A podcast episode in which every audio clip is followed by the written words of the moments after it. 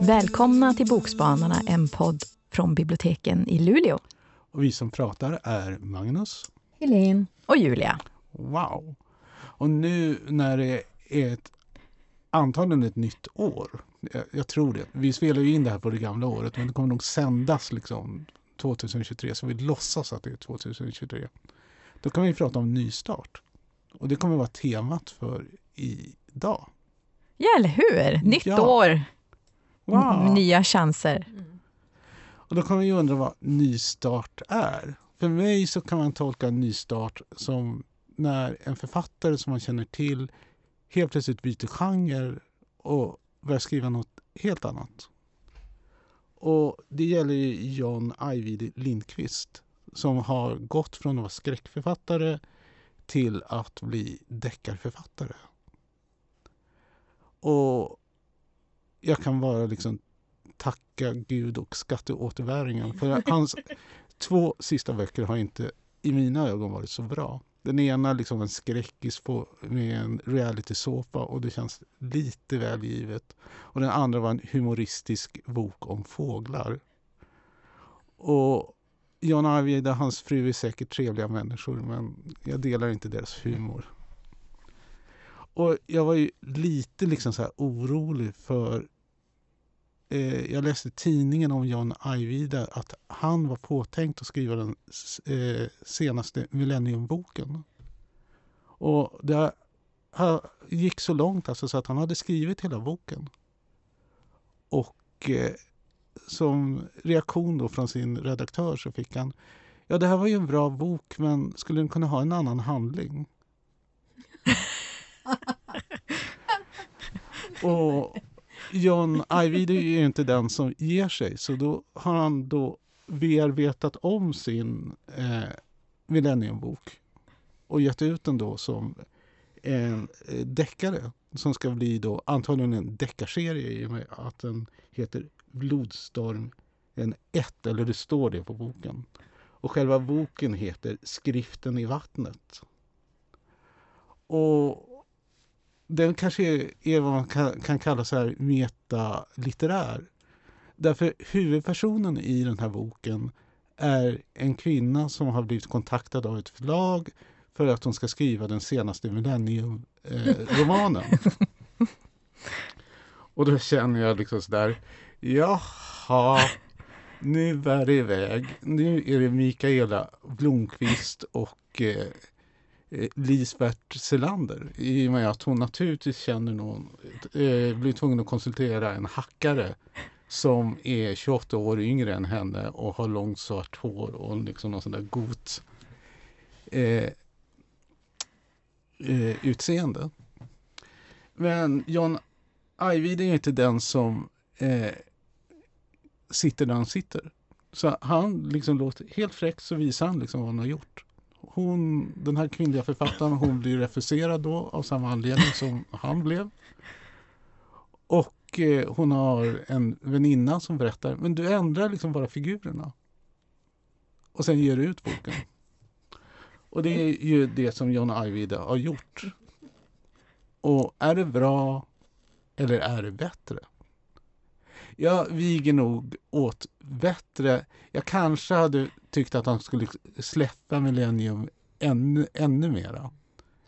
Eh, det är lite sådana här grafiska eh, skildringar av barnmisshandel som jag nog helst inte hade eh, velat läsa. Så de tycker jag man faktiskt kan hoppa över. I och med att det räcker att veta att eh, Kim, som är då är hackern, att hans pappa är en elak jävel. Och han blir i princip såld av sina föräldrar till denna sadistiska svin. Eh, men sen är det liksom en...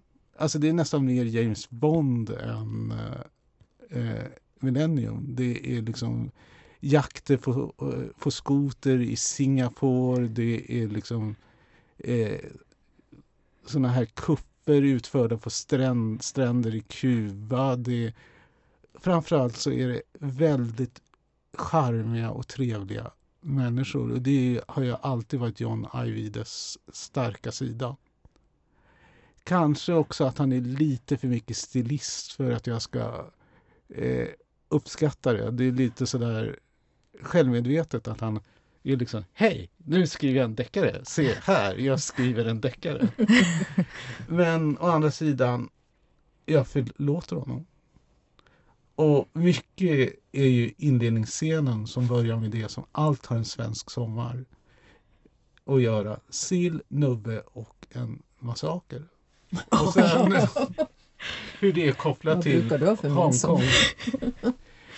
Ja, det kan man fråga sig. Eh, om ni läser boken så får ni reda på kopplingen mellan Hongkong, blod och midsommar. Men ni får inte reda på vilka midsommar jag brukar ha. För det tänker jag inte berätta. Det kanske vi ska vara glada för. Ja, nej, men midsommar, det, det är bra koppling sen till min bok. Jag tänkte tipsa om Konsterna av Elin Rut.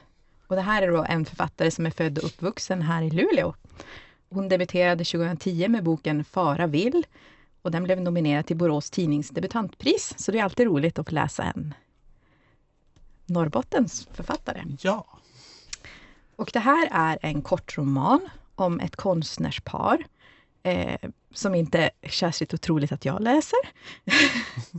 Vilket jag, det, det kanske alla vet att jag gillar. Eh, och den här har kallats ett kammarspel i flera recensioner. Eh, och fast den är så kort så rymmer den en hel del dramatik. Och i fokus står då konstnärinnan Dagmar Dreyer och hennes make sagomålaren Wilhelm. Och det är 1910 och vi befinner oss i Gränna i den här lantliga idyllen dit paret har flyttat för att odla eller bli, kunna måla.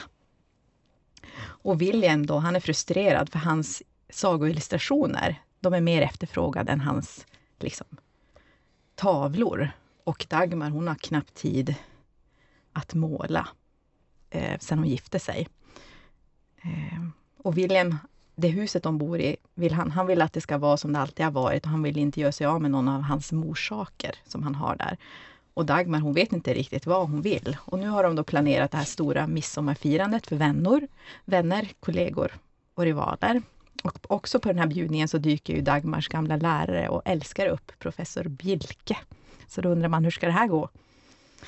Ehm, det är spänningar i hushållet såklart. Och det är ju mest mellan husbondsfolk och gäster, mellan gäster och vad är det egentligen som händer med den här stackars unga pigan som de har här. Och paret Dreyer hamnar i bråk. Men, och då tänkte jag på nystart, det- är som en liten ljusning man kanske kan se där på slutet, att det kanske finns en liten stan, chans för nystart.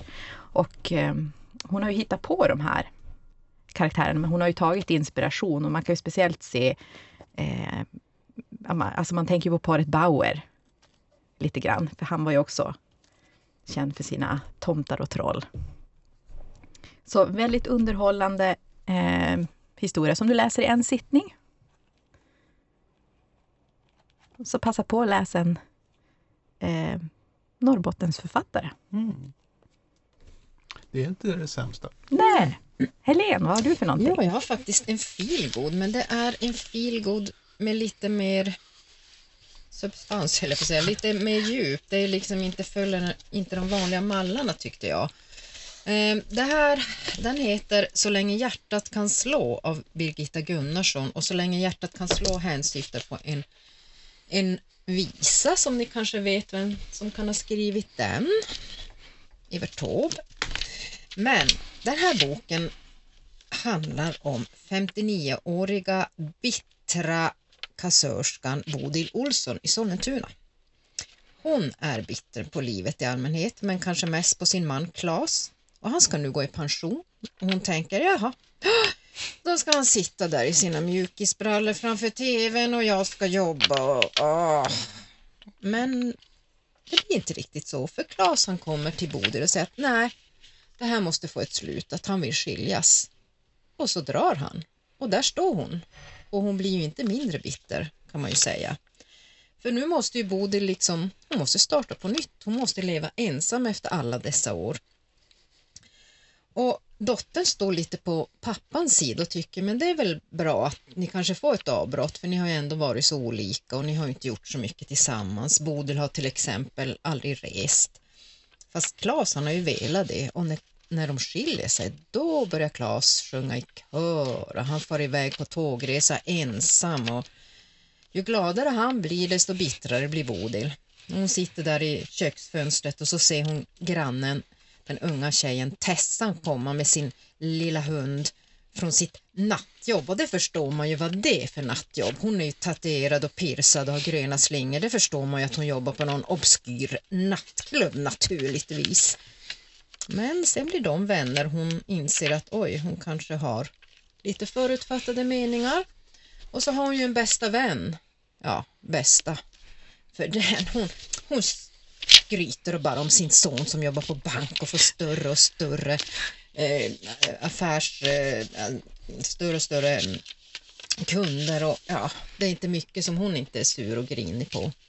Men som man förstår när det är en feelgood så kommer ju saker och ting att bli annorlunda och eh, Bodil kommer att få träffa nya vänner och ja, det händer allt möjligt. Bodil börjar till och med att träna. Mm. På gym. En skräckbok. en skräckbok. Nej, men det var en, en, en varm och fin bok tyckte jag faktiskt. Om ja, skaffa nya vänner och, och så sen framförallt bryta loss från invanda mönster, mönster och upptäcka världen på nytt. Även om man är 59 år och bitter så kanske man kan bli en 59-årig glad människa. Hemska tankar. Ja, Birgitta Gunnarsson, Så länge hjärtat kan slå. Alltså den låter lite som en kvinna som heter Oe eller något. Jo, ja, ja, faktiskt. En kvinna som heter Bodil. Ja, nej, men, jo, lite så faktiskt. Mm. Men det kan ju vara bra att läsa. Det kan, det låter ju jättebra. Ja. Ja, jag tipsade om konsten av Elin Rut. Och här måste jag komma med en bekännelse. Jag sa faktiskt fel när jag pratade om min bok. Det är inte Singapore utan det är i Shanghai som de har skoterjakt. Eh, jakt. det gör den ännu mer spännande. Ja, eller hur? Eh, men så är det när man inte kan tänka och tala samtidigt. Men boken jag pratade om det var Skriften i vattnet av John, John Ajvide Lindqvist. Ja, och jag pratade om Birgitta Gunnarssons Så länge hjärtat kan slå. Härligt! Ja, Hej då! hej då!